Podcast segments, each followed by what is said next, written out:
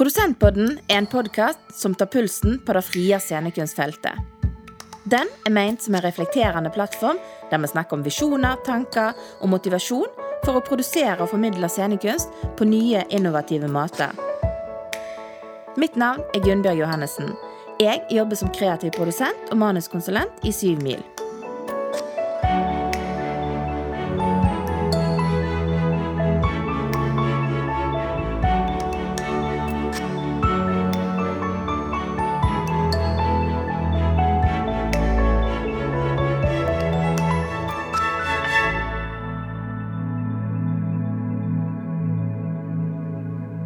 Ei øy ytterst i havgapet i Sunnhordland, i en nedlagt marmorgrue, ligger Nord-Europas fineste utenfi.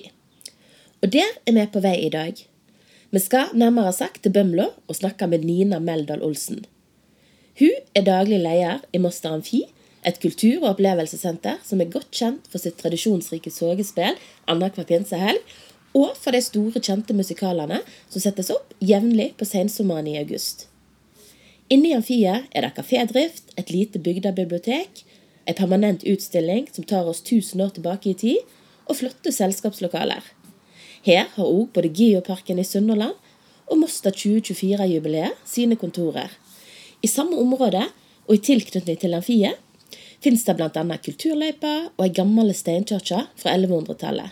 Og det er generelt høyt aktivitetsnivå for både historie og kulturformidling. Det er ingen hemmelighet at jeg kjenner godt til arbeidet i og rundt Moster Amfi. Fordi jeg har vokst opp i nærmiljøet, og jeg har fulgt små og store hendinger som har skjedd der siden jeg omtrent kunne gå. Og det er mye spennende som skjer året rundt. Og kanskje særlig i vår- og sommerhalvåret som vi nå har før oss. Og i dag skal daglig leder, Nina Meldal Olsen, fortelle oss mer om dette. Hei, Nina. Veldig kjekt å møte deg. Takk, og velkommen til Moster. Tusen hjertelig takk. Kommer vi på besøk midt i den travleste sesongen? Ja, i grunnen så gjør dere jo det. Samtidig så, så har på en måte sesongen strekt seg lenger og lenger ut til å bli større og videre i begge ender av sommeren. Eh, sånn at vi har det stort sett travelt hele veien. Men det er jo helt klart at vår og høst og sommer er, er travlest, da. Høgsesong, men allikevel jevnt med arbeid? Ja, Ja. absolutt.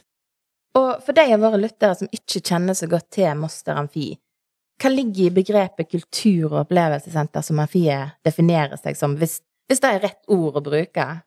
Ja, det er rett ord å bruke. Um, Moster Amfi heter jo egentlig Moster Amfi og Kirkehistoriske senter.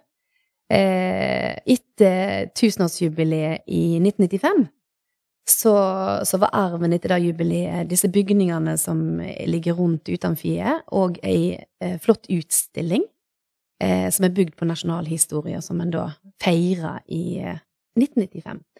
Eh, så er det dette selskapet, da, Moster Amfi og Kirkehistoriske senter, som eh, forvalter nasjonalhistorien på Moster. Eh, gjennom den utstillinga, men òg gjennom eh, det at vi har bruksrett på Moster gamle kirke, som er eid av Fortidsminneforeningen Hordaland. Eh, så har vi på en måte tilgang og fasiliterer rundt eh, kirka. Eh, og har utstilling og uteamfi med plass til 1040. Og der har vi jo kultur, kulturarrangement. Sånn at vi er, vi er på en måte et lite konglomerat av forskjellige ting, men vi har jo den nasjonalhistorien som vårt fundament. Ja, men fremmer jo kunst og kultur òg. Mm.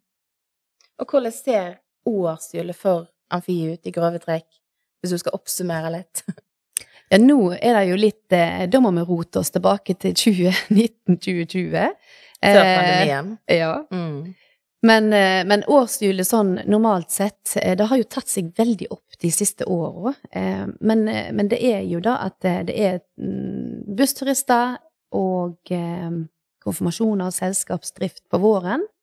Eh, formidling gjennom hele året med, for barn og unge, altså barnehager og opp til videregående og høgskole.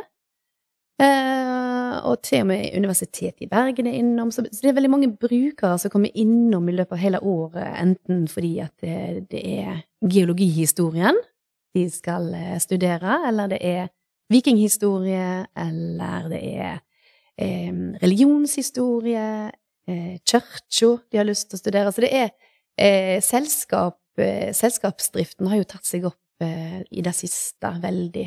eh, det siste året, faktisk, selv om det var mye nedstengning i fjor. Ja. Eh, og så har vi jo eh, Ja, så høgsesongen er jo på sommeren og, og våren og ja, litt utpå høsten, da. Eh, det kommer litt an på hvor kreative vi er, og hva nye konsept vi lager. Så vi har jo merka at det, eh, um, julemarknaden i uh, Moster Amfi, som vi har begynt med, Uh, den er jo i november, og da er det jo enormt med folk her Mm. eh, i løpet av uh, et par timer på lørdagen og søndagen. Sånn at det, eh, ja, det er, det er opp til oss eh, hvor travelt det skal bli. Og så har vi jo selvsagt også veldig mange utviklingsprosjekt som, eh, som gjør at vi skaper oss sjøl mer arbeid da, i de, på de, eh, til- i det tidspunktet hvor vi på en måte kunne gått litt i dvale, som Mm. en del eh, av eh, ja, en del av aktører som driver likt som oss, da, ofte gjør. Nå, det siste nå er jo en kalkovn. Det har jeg fått med meg. Ja, Fortell litt om kalkovn. kalkovn må jeg fortelle om, for Ja. det er det nyeste. Det er mm. altså så stas. Utrolig spennende. Ja, Kalkovn, den eh, Det er jo et godt samarbeid mellom Fabrika kulturminnetjeneste Per Storemyr, som er geoarkeolog. Eh, og det, jo, det har jo vært skrevet om det i avisen og vært oppe i nyhetene at det er middelalderbygg. De trenger jo restaurering. Mm.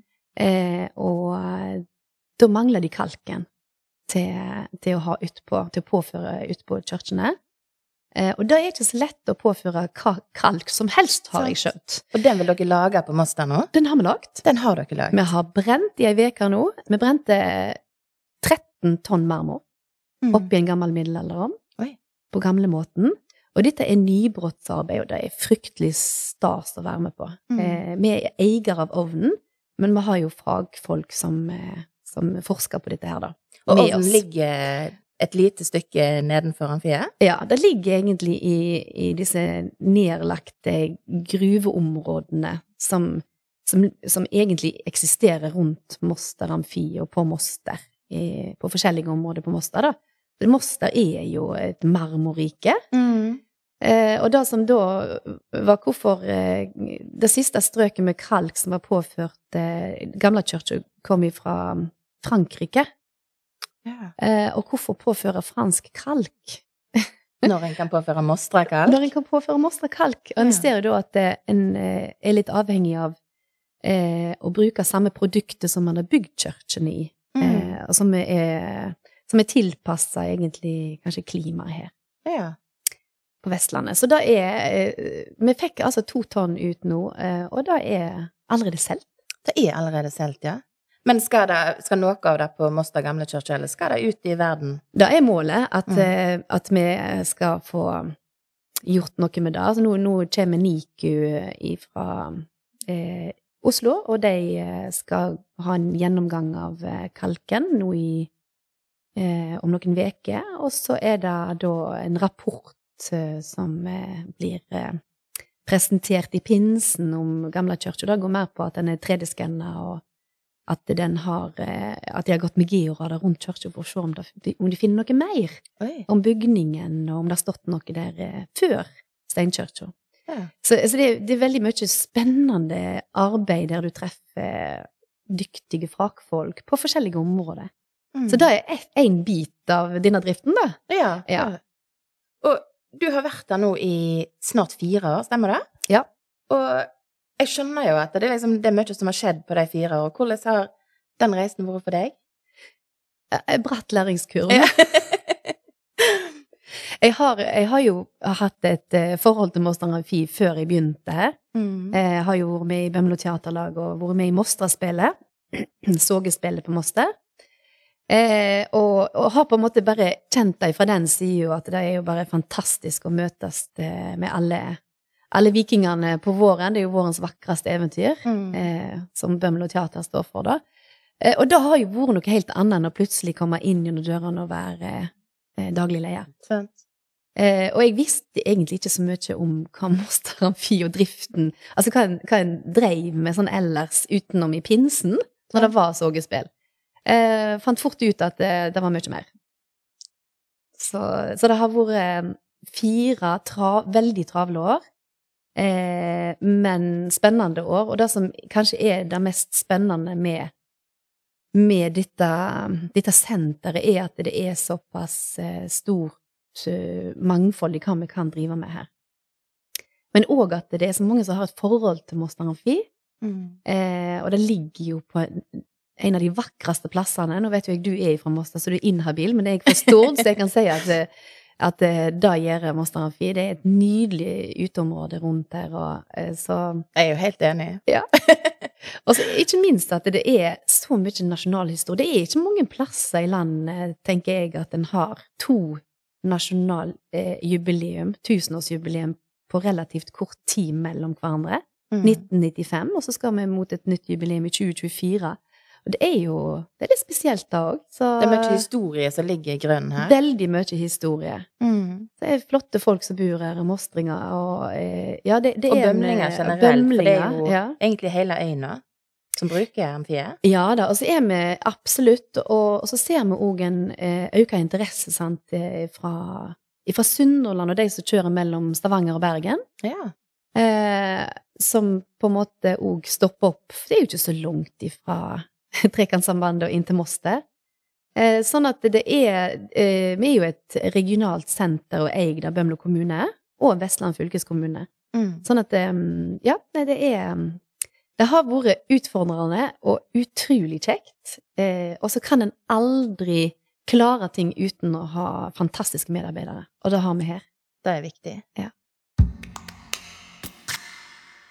Og du nevner jo litt at du har stått på scenen her eh, tidligere, før du begynte som daglig leder. Er det noe som jeg kanskje kan få se deg igjen i en rolle? Ja. Ligger det i planene? Ja. Ja, ok. Ja, jeg, jeg har jo tenkt at jeg skulle få meg et liv Jeg skulle vende tilbake til samfunnet, tenkte jeg nå, da, for nå har det vært mye jobb i fire år. Mm. Eh, men jeg sto jo Jeg var med i Mostra-spillet når jeg eh, var daglig leder, da.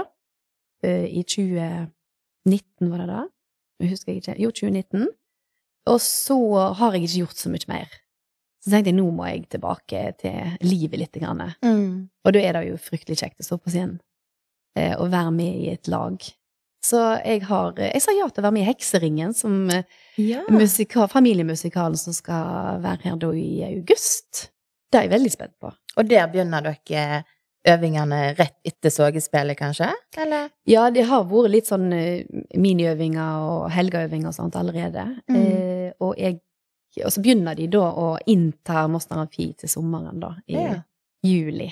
Fortell gjerne litt om eh, Hekseringen. Det er jo en eh, eh, musikal som har vært sett opp i Bergen tidligere, på Fløyen, stemmer ikke det? Jo. Det er en musikal som er skrevet og laga av Fyllingsdalen Teater. Eh, og de har jo hatt den på Fløyen. Mm. Og jeg var så den i fjor. Fantastisk. Med pyroeffekter og fyrverkeri og en, en sterk historie. Men, men så er det jo merkelig nok en historie for familier og, og barn. Og voksne. Altså det er egentlig en uh, musikal fra, ja, hva skal jeg si, fem, seks, sju år oppover. Eh, og det handler jo om eh, heksebrenninga, og da spesielt i Bergens, altså bergenshistorien, da.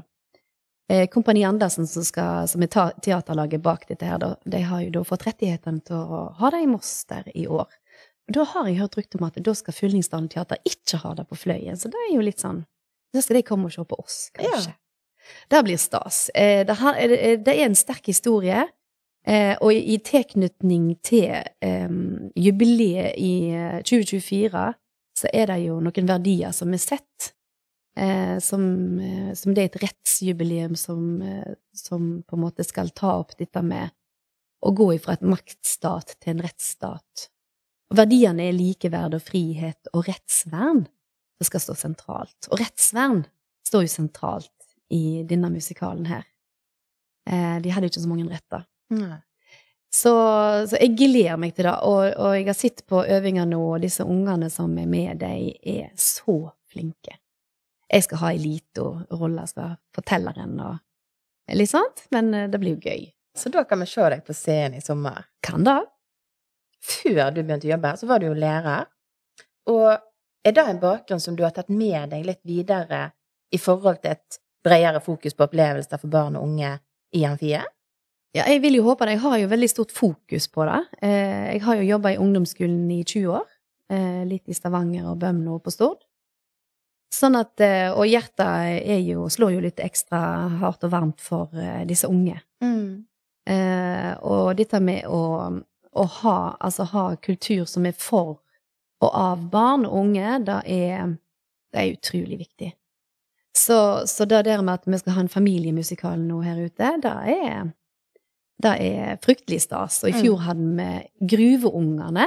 Og da var det Bømlo kulturskole som eh, sto på utescenen, den store utescenen. Og da er jo det er utrolig kjekt at de får prøve ut, òg, at det ikke skal bare, bare være for voksenpublikum, eh, men at en, en får rene barneforestillinger òg, som en kan eh, Så de får kjenne på hvor fantastisk det er å stå på scenen der nede Mm. og se mot publikum og opp, eh, opp i tribunene. Så, så, og så har vi jo en del eh, Spesielt òg formidling som pedagog.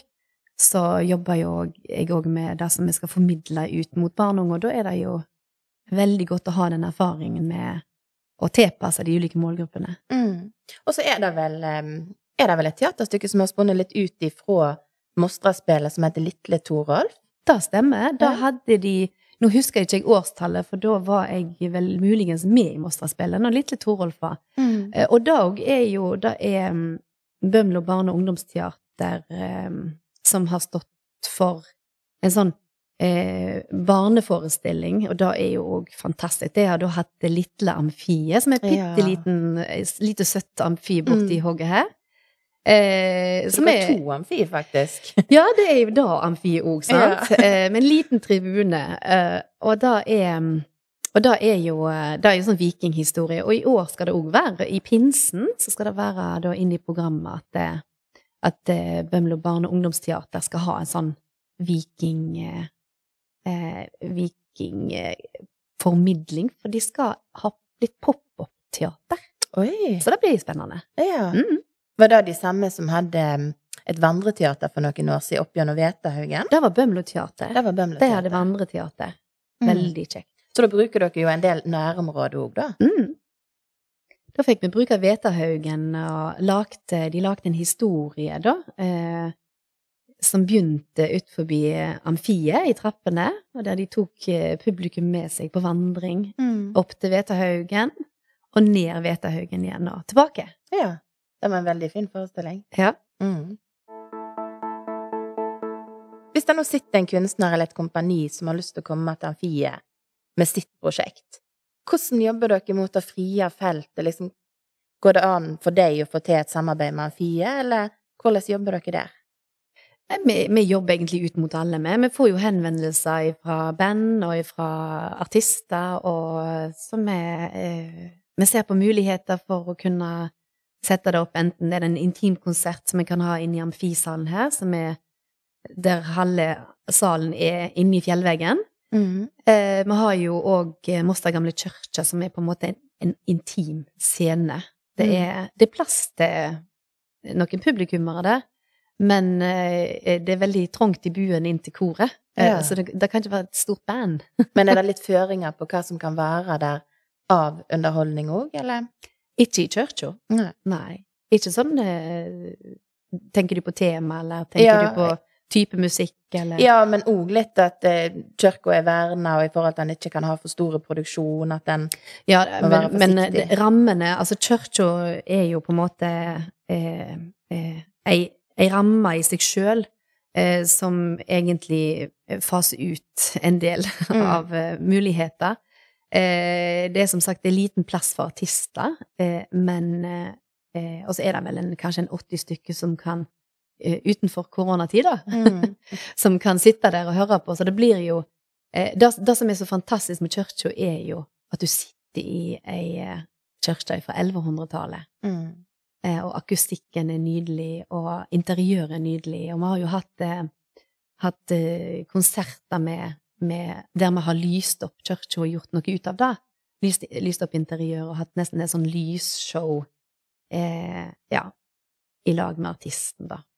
Så for å skape fine øyeblikk. Mm. Så det er jo en stemning i seg sjøl å ha Ja. konsertene der. Det er det. Ja. Og sånn som jeg kjenner til arbeidet med kunst og kultur på Bømlo, vi har jo vært litt innpå det, men Mosterhavn har jo på en måte blitt forvandla til ei yrende kulturbygd liksom hver eneste sommer siden omtrent midten av 80-tallet.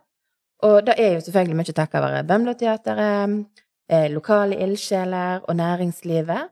Men det kreves jo en del for å sette i gang med så store produksjoner. Og hva er Amfies rolle da?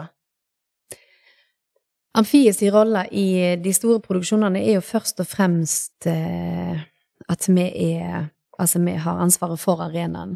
Eh, og eh, selve eh, innstuderinga og, og, på en måte øvingene og sånt, det er Bømlo Teater som har. Sant? De har eh, eh, regien på det som skal skje på scenen. Eh, og så har vi med et sånt samarbeid i forhold til vakthold, i forhold til mm, brannvern når vi setter i gang, og sikringstiltak og så, så det som jeg har ansvar for, er egentlig eh, å sjekke at eh, arenaen er, er, ok til å kunne sette i gang med mm. i forkant og, og etterpå. Nå, nå, har jeg nettopp vært i telefon med i forhold til fjellsikring.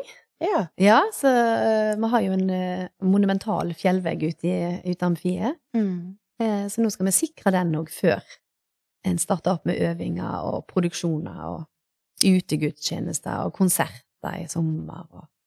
Så, så det, er, det, er, mange ting å tenke på i forhold til et uteamfi. Eh, det er jo vær og vind, selvsagt. Det er jo ikke noe tak over. Nei. Og det er mm, eh, det, det er òg da at det er jo ikke akkurat Altså det er òg da at når en har 80 stykker på scenen, så skal en òg kunne oppbevare det en plass eh, under forestilling, og der jobber vi nå med Vi har søkt både fylke og kommune og Kulturdepartementet om midler til å kunne bygge ny scene, rett og slett, med alle fasiliteter som en trenger i forhold til større produksjoner. For helt klart det er tungvint, og Bømlo Teater har drevet med det i mange år. Mm. Eh, en skal bære opp og ned på lydutstyren, og store installasjoner skal inn med, heis, med kranbil og så, så, målet er jo at vi etter hvert skal kunne eh, ha en scene som er smidigere for, for, for brukerne, da. Mm. Mm. Og du nevner været. Det er et uteamfi. Og liksom, hvor ofte har du bekymra deg for været hvis det skal være store arrangement her? Jeg tror, jeg, har, eh, jeg tror de som har drevet før, og meg som driver nå, har bekymra oss i lag med Bømlo Teater spesielt, som har hatt disse musikal, store musikalene. Eh, det er men, ehm, men, eh, det er jo sånn at en snur seg fort rundt, og der har Bømlo Teater vært veldig flinke til å snu seg rundt, og er det mye vann og danseren skal inn og danse, så er det da inn og sope vannet av scenen. Eh, og jeg har jo vært med eh, på Mosterspillet eh, der vi har øvd i solskinn og plutselig haglbyge, og så striregn. Og så 40 grader nede i hullet der sant? sant? etterpå. Så det er stor variasjon. Og dermed på under forestillingen der det har regna, så vi, altså vi vet på en måte at når, når vi skal ut nå, da blir vi blaut. Når jeg mm. setter meg nå, så blir jeg kliss blaut. Eh, men det er så gøy. Eh, og det som det, Aktører som står på scenen, har jo ofte vondt av publikum hvis det blir dårlig vær. Og publikum har vondt av de som står på scenen og blir dårlig vær. Så det blir et slags samhold, da, egentlig? Det blir et veldig godt samhold. Men det som er litt fascinerende, er at du, i utamfiet så kan du være med på værmagi òg, mm. samtidig som eh, det utspiller seg magi på scenen. Eh, vi har jo hatt nydelige forestillinger med opplett og fullmåne. Mm. Og så har vi hatt eh, fantastisk heftige forestillinger i vind og striregn og sånn som det kan være. Bare her på Vestlandet, nesten. Og vi kler oss jo òg etter været. Det er, som du sier, en egen magi å sitte der og ha da fellesskapet med både en forestilling og gjerne pøsregn, og det har vel gjerne til og med vært både vind og ting som har gjort litt at en vet faktisk ikke om en kan se hele forestillingen. Ja. Men jeg tror faktisk ennå ikke at det er blitt avlyst grunn av været. Ja. Men det var, det var en forestilling, husker jeg, eh, og da var jeg nå med bak i kulissene, tror jeg, eh, en musikal der det var altså så Det var så mye regn og så heftig vind at det var på nippet. Mm. Eh, men så er det da den forestillingen folk ikke glemmer. Sant. Det er nettopp det. Jeg husker når jeg var der, og det var, det var forferdelig å være. Mm. Så det, det, det er på en måte mm, Ja, du får med deg mye ekstra. Sant? Ja. Det er, og det er noe med selve opplevelsen å være utendørs òg. Da er vil det. på en måte den kvelden, da været, skape litt den forestillingen den dagen. Som, ja, absolutt. Men det som på en måte er alltid det store mm, Eller hva skal jeg si Den um, store utfordringen er at eh, har en musiker og orkester, så er det jo litt sånn Mm. eh, De kommer med dyre instrument. Sant? Eh, ja, hvor skal dette gå? Hvor skal vi unngå regn oppi deg?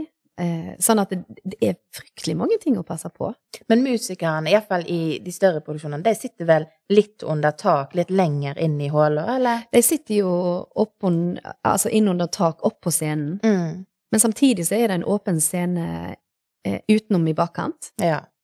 Så, så det er jo Er det heftig vær, så blåser det rett inn. Ja da. ja.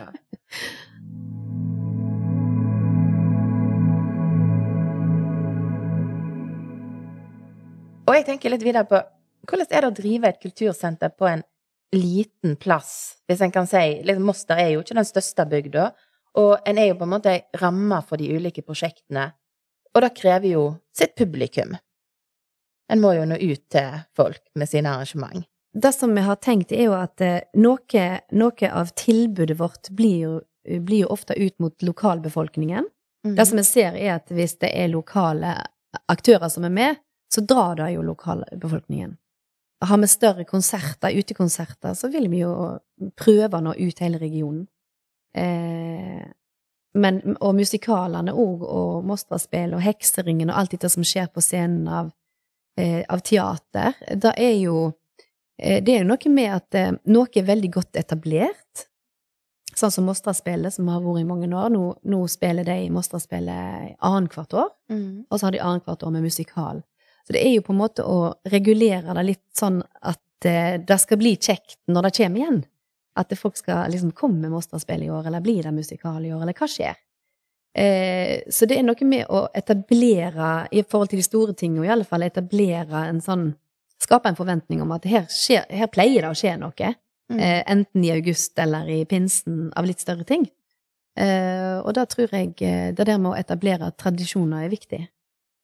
Ellers er det jo det der med å prøve å markedsføre Moster Amfi for, for det det er, på en måte. At det er, det er både et eh, kultursenter, men òg et historisk senter.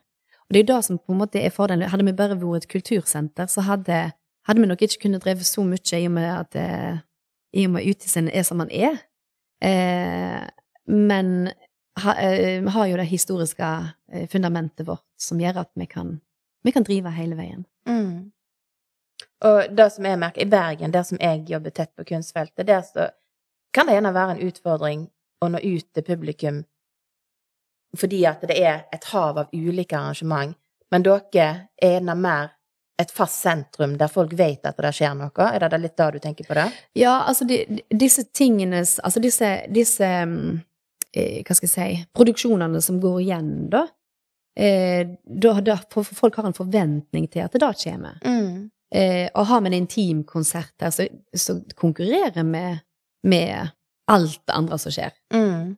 Eh, så, så det er på en måte det, det er det å finne den der eh, balansegangen mellom ikke ha for mye. For eh, sånn som når en åpner opp, og alle skulle plutselig ha eh, events igjen, Mm. da lå vi litt bakpå. Eh, for for da, da hørte jeg ifra lydmenn og lysmenn at eh, åh, nå skjer det så mye, nesten at nå, nå dreper vi hverandre nesten. Sånn. Så det er jo å finne den der eh, balansegangen der, altså. Og hvor kommer publikum ifra? Er det fra hele Sunnhordland, eller er det veldig lokalt, eller Det kommer jo litt an på hva det er. Er det de store oppsetningene, så kommer de fra som regionalt og egentlig litt nasjonalt òg, sant? Mm. Eh, uh, fordi at det, en er blitt kjent for, for de store oppsetningene. Eh, men så har, du, så har du disse mindre eh, intimkonsertene og sånt. Da er det lokalt. Eh, Bømlo, Stord. Kommer an på hvem som er med, vet du. Mm. Det er det vi må tenke på òg. Hvem som trekker folk, og hvem vi vil nå. Vi har jo snakket litt om eh, program og arrangement, men Amfie har vel en del ildsjeler som jobber litt sammen med dere i Amfie òg? Blant annet for eksempel med kalkovn, men òg utstillinger og scenografi og Ja, altså, uten eldsjeler så går jo ikke kulturlivet rundt, tenker jeg da. I alle fall ikke på, eh, på kanskje de, de mindre plassene. Eh, en er helt avhengig av de. Eh, Mm. rundt Kalkovnen så hadde vi en lokal prosjektleder, Bent Morten Steinsland. Han kjente nok kanskje i grunnen ikke så mye til eh, verken kalkbrenning eller bygging i starten, men eh, han har jo sine aner, altså forfedrene hans da, har jo drevet gruve, gruvevirksomhet på Moster, sånn at eh, han blir med. Og da er eh, alfa og omega. mm. For ellers jeg kunne ikke ha gjennomført alt sjøl og fulgt opp alt sjøl, sånn at eh, eh, han eh, sto for en meget god framdrift i, i prosjektet Kalkom. Ja. Og så har vi jo noen, vi har jo hatt oppgraderinger i Moster Amfi eh, da når eh, Norge var stengt ned fjor vår. Og da hadde vi en kolossal oppgradering i den gamle utstillinga fra 1995 med digitalisering av lyd og lys. Og ikke minst òg eh, hadde vi Mike McGurk, som eh, er nå mostring, får vi si, Mm. eh, og engelsk eh, mann. Så han hadde eh, Han sto for eh, Han malte bokstavelig talt gulv og vegger og satte farge på hele utstillinga, for hele utstillinga var grå. Ja. Så fant vi ut at nå må, vi, nå må ting vise litt igjen. Eh, han gjorde en kolossal innsats, eh, og det hadde ikke gått uten han. Eh, sånn at eh, de eldsjelene som Og disse som jobber i Moster Amfi òg, eh, de, de er innovative. Eh, de jobber på en måte for Altså, vi har jo Vi skal jo ha det gøy på jobb, og det er viktig. Det er vel egentlig vårt motto. og så skal vi få gjestene våre til å trives og gi det litt ekstra. Eh, og det gjør de. ja. Eh, så- og det, er, det går ikke rundt uten folk. Og uten folk som brenner. Og så skal du brenne litt når du har en sånn stilling òg. Mm, absolutt. Mm. Og dere har jo en kafé som er åpen hele året? Ja, altså, åpningstidene er litt um, Vi har tirsdag og onsdager oppe, for vi er blitt biblioteksfilial òg. ja, Ja. det stemmer. Som er en bitte liten eh, et lite ja, minibibliotek. minibibliotek eh, og, eh, for eh, Bømlo folkebibliotek. Mm. Og jeg tror kanskje vi må være Sunnhordlands minste. Jeg hadde bibliotekarene her i går. Men sikkert Ja. Norges minste, eller verdens minste bibliotek, sier det. så, så det er, det er bitte lite, men det er fantastisk å ha um, som et eh, tilbud ut til mostringene, da. Ja. Så kan Er det betjent et par ganger i uka da, eller? Det er betjent på tirsdagene, og Mm. da tar hovedbiblioteket med seg bøker som er bestilt på nettet. Mm. Og så kommer de innom og drikker kaffe og har seg en sånn Det blir en sånn møtestad, da. Ja. Er det noe lesesirkel eller noe i Nei, vi jobber litt med noe, for nå har det jo vært Disse to årene har jo vært litt sånn Vi åpna den filialen da rett før Norge ble stengt ned. Mm. Så vi har jo mange planer, eh, og biblioteket var her i går og eh, la en del planer òg, sånn at så vi skal gå eh, i fellesskap eh, for å jobbe fram, da. Eh, for her er jo mye en kan gjøre i litteraturens navn. Mm. Så da gleder jeg meg til. Spennende. Og dere har en del kulturløyper i nærheten av Amfiet? Ja, det er ei hovedkulturløype som vi håper vi skal få rusta opp til jubileet i 2024. Eh, Og så er det jo en fantastisk flott Mostra park Mm. eh, med stier og områder å gå og kikke på. Gamle kalkovner ligger jo her. Og så har vi den nye kalkovnen, og så er det et gruvebad. Du kan bade i ei marmorgruve. Det er ikke mange plasser du kan. Eh, og det er gruveprosjektet som eh, jobber og fikser og fyller på sand, så det er sandstrand der nede. Mm. Så her er det jo veldig mange ildsjeler rundt omkring òg, for å kunne løfte eh, og gjøre stas på egentlig områdene rundt Moster Amfi, som en har et eierforhold til, da. Så her kan til og med den turinteresserte komme og nyte gode opplevelser. Absolutt. Og så er det jo utrolig mange kulturløyper rundt på Moster. Mm. Eh, nydelige plasser å gå. Jeg hadde jo et mål om at det, det, jeg skulle gå opp alle disse her når jeg begynte, men jeg har ennå ikke hatt tid. Ja. Så, så der har du den. Men, men fantastisk flott. Eh, og så er det jo da òg at det, dette med kulturrom, det syns jeg er litt spennende. Eh, å skape kulturen plass en ikke skulle tro at en kunne skape kultur Sant. og kulturopplevelser. Og da, da har en jo utrolig mange spennende plasser rundt her med, med Mostratunet, og vi har jo en tunnel her, en gruvetunnel, som vi kan Kunne vi gjort noe der? Vetahaugen, konsert på Vetahaugen. Hæ? Da har vi lyst. Og det er Så- jo Ja. eh, Hvis det er noe pandemien gjerne har lært oss, hvis vi kan si det, da, så er det jo litt det å ha uterom òg. For det viste jo da at det, vi kunne ikke samles inne på et tidspunkt. Mm. Så da har en jo mange muligheter når en kan være ute. Mm. Og det er tilrettelagt for det. Absolutt. Og det, vi òg var jo blant deg, sjølsagt. Mm. Eh, vi starta jo opp eh, tradisjonen med å ha 8. mars-markering her i 2019. På Bømlo. Vi tenkte at må, vi må ha det i Tora Mostra-Stongland. Vi må ha 8. mars-markering. Eh, og det var, ble så populært. Det var jo 80 damer, eh, så det var stappfullt her inne i disse lokalene som hadde flotte eh, flott underholdning og taler og alt sånt. Og mat på menyen. Og så kom jo da koronaen. I fjor hadde vi 8. mars-markering ute i Utamfiet. Heldigvis var det opphold. I, ikke varmt i mars, men eh, vi tenkte at eh, vi kjører det uansett. sånn at det er Det har nok gjort noe med oss, eh, den koronaen, i forhold til å tenke utenfor boksen. Mm. Eh, og, og måtte snu seg rundt og tenke litt annerledes. Men det har jo dere klart veldig godt. Vi jobber med det hele tida. Det er jo en egentlig Å jobbe med kultur og jobbe med historie og jobbe i et sånt senter er jo at du blir aldri Du blir aldri ferdig med noe.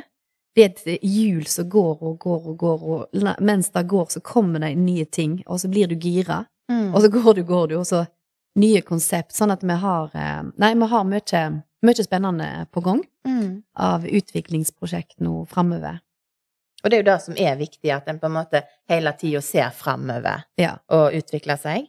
Ja, det er absolutt. Og vi har jo en sånn eh, vi har jo sånn tiårsperspektiv fram til 2030. Mm. Hvor ønsker vi å være, hva ønsker vi å være? Eh, og så har vi da en sånn eh, spennende, eh, fantastisk stoppepunkt i 2024 med jubileum og fest på Moss der. For da skal det være stort eh, jubileum her. Da skal det være stort jubileum her. Og dere er arena for Da er vi hovedarenaen, og så er det da Moster Amfi eh, og Kirkehistoriske Senter, så da skal ta arven etter jubileet med seg videre inn i Mm. framtida. Og hvis en da snakker litt mer om den tiårsplanen, eh, hva er tiårsplanen til Amfie? Hva Ja, kan du det er jo- dele? Det er jo litt eh, um, eh, Hva skal jeg si? Det er litt sånn eh, eh, spennende, eller risky, kanskje, å si så mye, men, men det som vi ønsker å være, det er å være et eh, kraftsenter i regionen i forhold til den historien vi formidler, eh, men òg i forhold til de områdene og mulighetene som ligger rundt på området. Eh, både som reiselivsmål, Mm. eh, som reisemål, og òg som kulturarena og formidlingsarena. Så med, med, akkurat nå så søker vi jo om både ny scene, midler til ny scene, og midler til et nytt bygg. Et publikumsmottak. Eh, ja. Hvor skal den nye scenen være, da? den nye scenen er planlagt å være i det som scenen er, men at vi bygger et hus, et eh, lukka hus inni scenen, og, og muligheter, sånn at du kan stenge igjen og ha et, et eh, ekstra rom gjennom hele året. Mm. For sånn som Utamfi er nå, så er jo da et eh, rom en kan bruke da fra våren og litt ut i august. Eh, men da, kan du, da åpner det seg nye muligheter. Da kan en, da kan en bruke denne scenen eh, gjennom hele året til øving, til konserter, til seminar og foredrag og sant? Altså, da er det enda en arena å gjøre noe på. Og med et nytt publikumsmottak så kan vi ha med plass til en ny utstilling som kan løfte oss fram mot 2030. Vi har òg planer nå om å lage urtehage, Ja. vikingurter, som vi håper vi skal få begynne på nå, faktisk, øyeblikk. Jeg tror jeg snart får en telefon om noe jord. Oi! Så, så, så det er noe med å, mm, med å prøve å holde oss til det vi driver med, Mm. fundamentet vårt, men bygge ut konsept som, eh, som åpner opp for undervisnings, eh, om, nye undervisningsområder. Sånn som kalkovn er blitt et nytt undervisningsområde. Ja. Eh, og en urtehage kan supple, supplementere vikinghistorien vår, men òg eh, eh, klima, å ta vare på klima, økosystem. Eh, så jeg er jo pedagog. Mm. Jeg tenker jo mye der. Og det, er jo noe som ikke bare skole er opptatt av, men alle er opptatt av det. Em, så jeg tenker det der med å eh, be, Litt sånn back to basic, eh, som vi må, som samfunn og jordklode og verden. Eh, så, så tenker jeg at hvis vi gjør alt litt eh, Bygger det på de naturlige tingene og, og tenker på de tradisjonene som, som er en del av oss, og, og forhistorien vår, eh, både i forhold til byggetradisjoner, i forhold til hva vi levde av, og i forhold til hvordan mennesker levde i pakt med naturen, og hva en trodde på, og hvordan verdensbildet deres var, tenker jeg at vi har mye å lære, mye Mm. å hente tilbake, kanskje. Og det har vel, var det et kurs med Grindabygg òg i samarbeid med dere? Yes, Så der kommer du vel litt inn på det? da er jeg. Mm. Det kurset, eh, det var veldig spennende, for jeg og Bent Morten, han eh, lokale prosjektlederen, vi var fryktelig, fryktelig spente, for vi var litt avhengige av at det meldte seg på noen til dette gründerbyggskurset. Så jeg sendte ut da på Facebook eh, om noen hadde lyst, på lørdagen. Mm. Og jeg og han bare sånn Tror du det er noen som melder seg på? på mandagen så var det altså fullt, Mm. eh, og vi kunne hatt to-tre gründerbyggingskurs til. Ja. Så jeg, jeg, vi ser jo at det, på det området der òg, så er det en, en auka interesse Mm. for eh, disse gamle konstruksjonene, disse gamle bygningene. Nå, altså når en ser på eh, bærekraftige bygg, så har vi jo som eh, kirka her, naboen vår, det er jo det mest bærekraftige bygget som står igjen her. Mm. Og det har stått siden 1100-tallet. Og hvorfor? Kan vi bygge sånn igjen? Kan vi bygge flere sånne bygg? Eh, og tenke, eh, tenke bærekraft. Mm. Eh, så, så jeg tror nok flere og flere eh, har fått den interessen. Eh, og det så vi òg rundt kalkovnen. Er enorme interessen og entusiasmen. Og folk som kom og kikka, og folk som har eh, fulgt med på Facebook, og skoler og barnehager og sånt som eh, Ja. Eh, så det er, det er fryktelig stas at en er opptatt av det. Og dere treffer jo noe når dere skaper så mye engasjement lokalt òg, så er det jo er det jo en nerve dere treffer. Ja, det er jo en nerve. Det er jo en del av identiteten vår. Mm. Eh, det er her på Mosta, men òg egentlig sånn generelt. Eh, identiteten vår, det er kulturarven vår. Mm. Det er um, historien vår. Eh, det er der vi bor. Det er familien vår, det er slekta vår, det er forfedrene våre. Det sant? Det, er, det er så mye som er en del av identiteten vår, og kanskje er vi litt, blitt litt mer opptatt av det. Mm. Kan jeg si da at det da er litt den røde tråden til amfiet? Det er det det er. Mm. Det er det. Og, og da må jeg jo nevne um, på Geopark Sunnhordland òg, som er, eh, nå har fått norsk status som geopark. De har kontor her, og, de har, og vi er portal for dem, som Ja. er geoparkportal. Så vi skal da vise folk rundt i hele Sunnhordland, eller eh, fortelle hvor folk skal reise for å se spennende geologiske områder. Eh, og der er det jo sånn em, eh, Geopark Sunnhordland. Det er historien om oss. Ja. Og det er jo på landskapsutvikling og geologi. Og det er jo det som har vært fundamentet for mennesket i forhold til hvor slå seg ned. Eh, hvor starta industri? Hvorfor bygger de plattformer på Stord? Eh, der de bygger de plattformene? Jo, for det er dypt. Og hvorfor er det dypt? Eh, så det er, det er på en måte den der, eh, det samspillet mellom naturen og landskapet og geologien og eh, den finner i naturen. Det er, det er viktig å være bevisst på det. Det er viktig å vite at det, eh, in the end så er vi der. Mm. Så øh, vi har jo så mange tekniske hjelpemidler. Vi er så avhengige av så mye nå.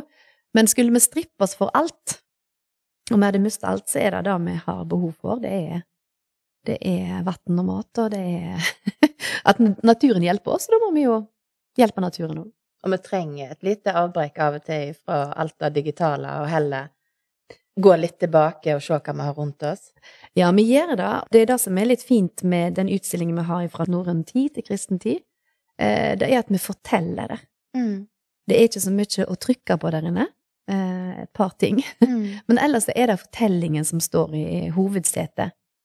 Og har du noen konkret å fortelle ut ifra, så er det jo utrolig kjekt å høre noen fortelle. Mm. Helt enig. Vi må snart eh, runde av, eh, Nina, men det har vært en utrolig eh, interessant samtale. Så tusen takk for at vi fikk lov å um, komme, og det blir veldig kjekt å følge Amfie framover. Og om ikke lenge så kommer Kristkongene på besøk. Det gjør de. Takk. Og lykke til med alt videre arbeid. Tusen takk. Produsentpodden er produsert av Camilla Svingen og Gunnbjørg Johannessen for Syv Mil AS. Teknisk ansvarlig er Roy Bjørge. Podkasten er støtta av Bergesen-stiftelsen, Fritt Ord og Fond for lyd og bilde.